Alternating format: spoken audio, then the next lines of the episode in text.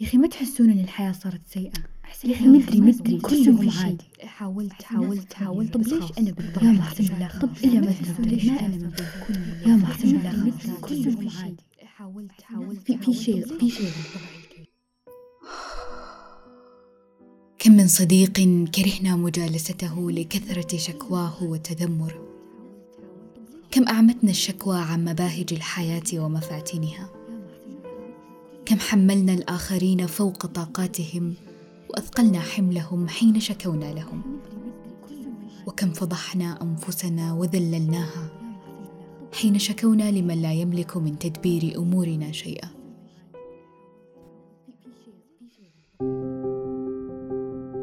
أهلا وسهلا.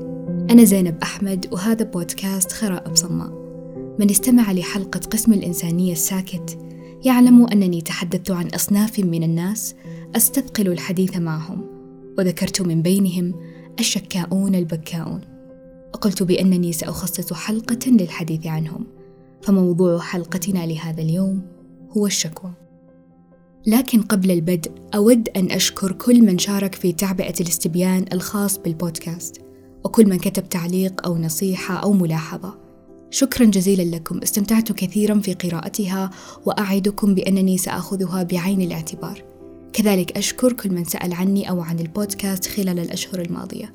وأتمنى أن ترقى هذه الحلقة إلى ذائقتكم.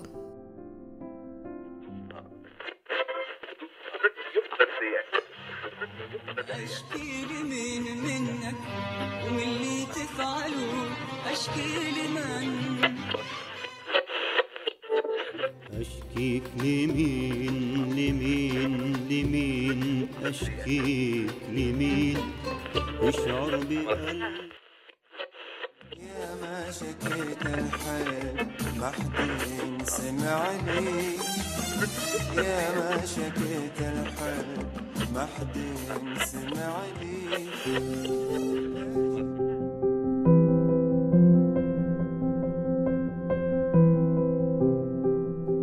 في رأيي أحد أهم الأسباب التي تزيد من حجم المعاناة وتبطئ رحلتنا نحو الشفاء هي حالة يخوضها الأغلب دون وعي أو إدراك لها لأنها بسيطة في ظاهرها عميقة ومعقدة في باطنها. سأروي لكم موقفا بسيطا من باب التوضيح. تخيلوا معي شخص غير مقبول اجتماعيا مرفوض مهمش أو وجوده غير ملاحظ. شاءت الأقدار أن يمر بفترة صعبة ظرف أو مصيبة معينة. فيتعاطف كل من حوله معه يبدأون بملاحظته والترحيب بحضوره والاهتمام به وسؤاله عن أحواله وتلبية رغباته واحتياجاته من أجل إعانته على تجاوز ما اصابه وهو بالطبع غير معتاد على هذا الاهتمام من الناس. بعد مدة من الزمن يشعر كما لو أنه لا يريد أن يخرج من هذه الحالة فقط لئلا ينقطع اهتمام الناس به. فيعيش لسنوات طويلة اسيرا للهموم والأحزان. حتى في الأيام التي يمسح الله على قلبه فيها تجده يأبى إلا أن يتمسك بالحزن والتعاسة.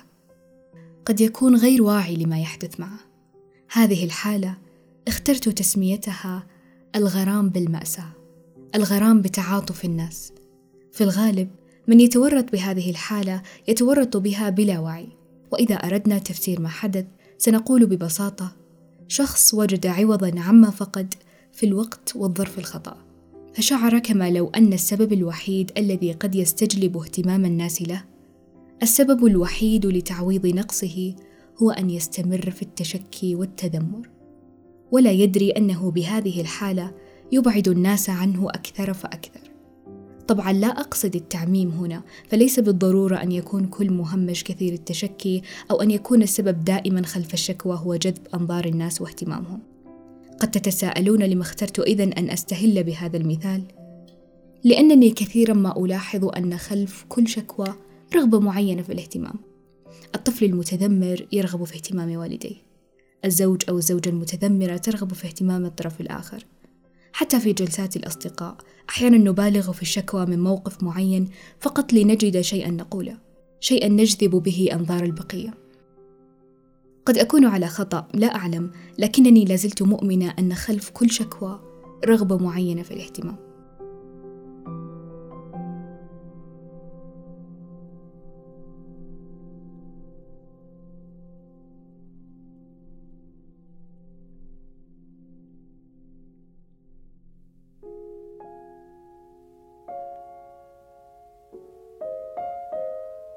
الناس لا تحب كثير الشكوى الذي لا يحصي من الحياة إلا مآسيها ومن يذكرهم باستمرار بتعاسة الحياة وبؤسها فيكفيهم من مشقات الحياة ما يكابدونه كل يوم. الشخص قليل الشكوى أو الذي لا يشتكي إطلاقا هو في الغالب من يختاره الناس دائما ليشتكون له ويستأمنونه على أسرارهم وحمله مضاعف لأنه يحمل همه وهموم الآخرين. فيعرف تماما كيف أن الاستماع لشكوى الناس هو فعل ثقيل ومشقي. وهذا السبب الذي يجعله يكره الشكوى وينفر منها. ببساطة يرفض أن يحمل الآخرين نفس هذا الثقل. أحيانا التحلي بالصبر ومحاولة الظهور بمظهر إيجابي يكلف الكثير. وما أن تخالط شخصا متذمرا لا يرى من الحياة إلا جوانبها السيئة حتى يحطم الأمل في نفسك وينثره رمادا للريح. ومن يتخذ الشكوى أسلوب حياته يعرف تماما أن تعاطف الناس مع شكواه يقل في كل مرة وأنهم في مرحلة ما يتجنبونه ويتجنبون مجالسته أو حتى لقاءه والسلام عليه. يستثقلون وجوده فيشعر بالذل ولا ملامة فالاستمرار في التشكي والتذمر مدعاة للملل والنفور حتى لو كانوا اقربائك أو حتى لو تظاهروا بعكس ذلك. حسنا. ماذا لو كانوا اشخاصا يحبونك ويولونك اهتماما حقيقيا كالعائلة والوالدين تحديدا لكنهم لا يملكون حلا لمشكلتك لا يستطيعون تغيير حالك ما الفائدة إذن في هذه الحالة من الشكوى؟ ستزدهم هما فوق همومهم، فلا تشغل بال من يحبونك عليك ما دام ليس باستطاعتهم تغيير شيء. صدقوني، أحيانا مشاركة المشكلة لا تزيدها إلا سوءا. لماذا؟ لأن الناس لا تنسى، لا تعفو ولا تصفح، مهما تظاهروا بعكس ذلك. مهما كانت مكانتك لديهم ومهما كانت درجة قربك منهم الناس لا تنسى. عندما تحاول أن تتجاوز مشكلة ما وتضرب صفحا وتمضي قدما في حياتك أتعرف ما الذي سيحول بينك وبين عفوك عن نفسك؟ كل الأشخاص الذين شاركتهم هذه المشكلة كل الأشخاص الذين أذنت لهم بمعرفة ذلك السر. ولم يأذنوا لماضيك أن يصبح ماضي بل يتذكرونه ويذكرونك به بسبب أو بدون سبب. فأرجوك لا تخلق لنفسك قيودا عند الناس فيستعبدونك بها. وتذكر دائما أن الناس لا تنسى.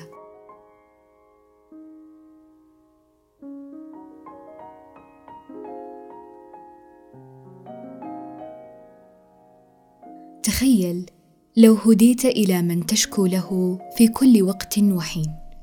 مهتم دائما بك وبمشاعرك أكثر من اهتمامك بنفسك. مستعد لمسامحتك مهما أخطأت بل ولإعانتك على مسامحة نفسك.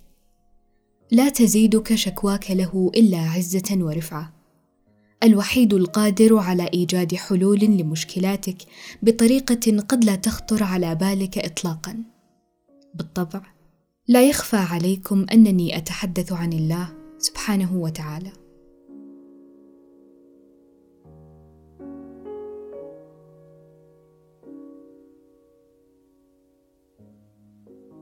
هناك قصيدة أحبها للشاعر كريم العراقي يقول فيها لا تشكو للناس جرحا أنت صاحبه لا يؤلم الجرح إلا من به ألم. شكواك للناس يا ابن الناس منقصة. ومن من الناس صاح ما به سقم. فالهم كالسيل والأمراض زاخرة. حمر الدلائل مهما أهلها كتموا فإن شكوت لمن طاب الزمان له عيناك تغلي ومن تشكو له صنم. وإن شكوت لمن شكواك تسعده أضفت جرحا لجرحك اسمه الندم.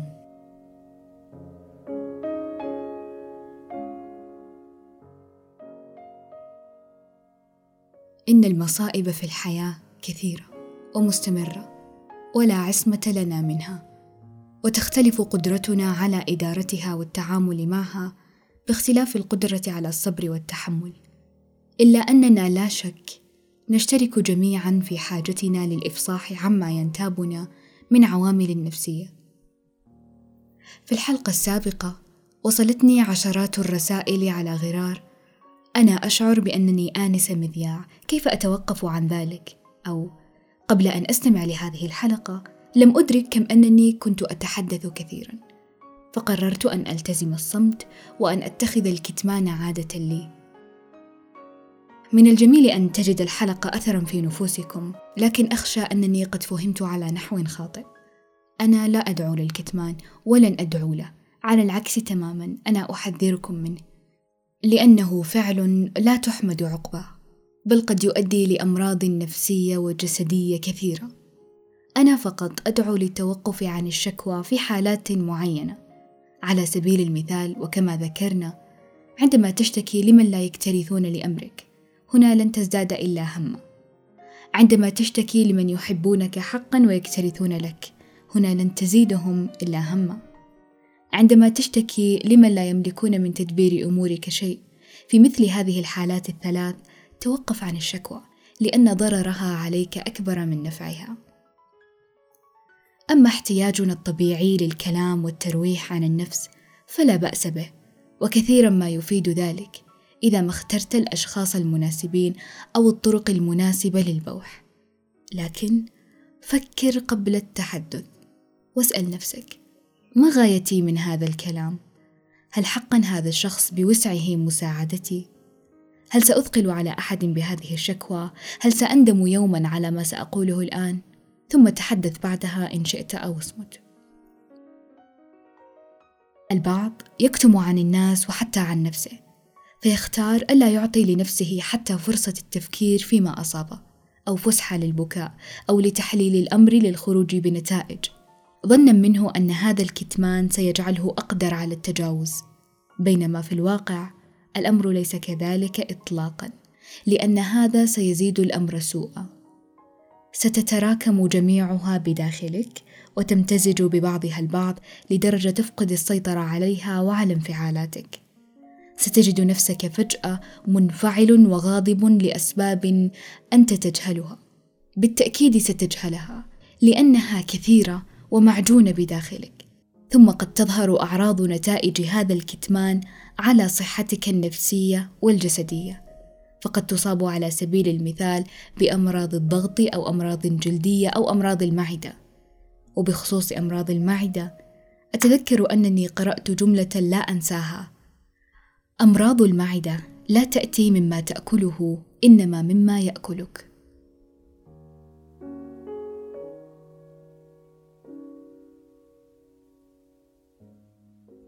إذا كان الكتمان سيء والشكوى سيئة، فماذا نفعل إذن؟ نتحدث؟ نعم نتحدث، وليس كل حديث حديث لسان. هناك طرق أخرى للتحدث، بإمكانك إيجاد وسائل أخرى تعبر فيها عن نفسك. الكثير من الفنانين في المجالات المختلفة يعبرون عن أنفسهم من خلال فنهم، يستعيضون عن الشكوى من خلال الفن، وهذا ما يولد الإبداع. الرسام من خلال لوحاته النحات من خلال منحوتاته الكاتب من خلال نصوصه والشاعر في قصائده وغيرهم الكثير ومحظوظ هو من وجد له هواية أو عمل معين يعبر فيه عن نفسه.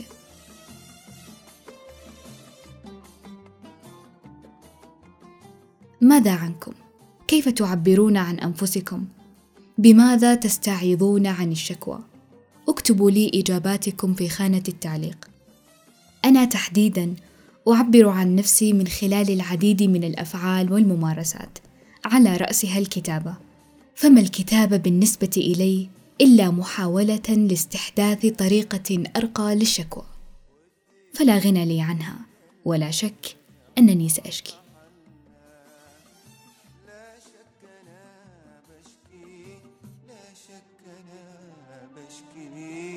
لا شك أنا بشكي لا شك أنا بشكي لا سأضع رابط قناتي على اليوتيوب في وصف الحلقة. القناة مليئة بالنصوص والأشعار والاقتباسات. كذلك جميع حلقات بودكاست خرائب صماء وأقول ذلك في حال اختفت بعض الحلقات من أبل بودكاست أو جوجل بودكاست ستكون موجودة دائما في اليوتيوب.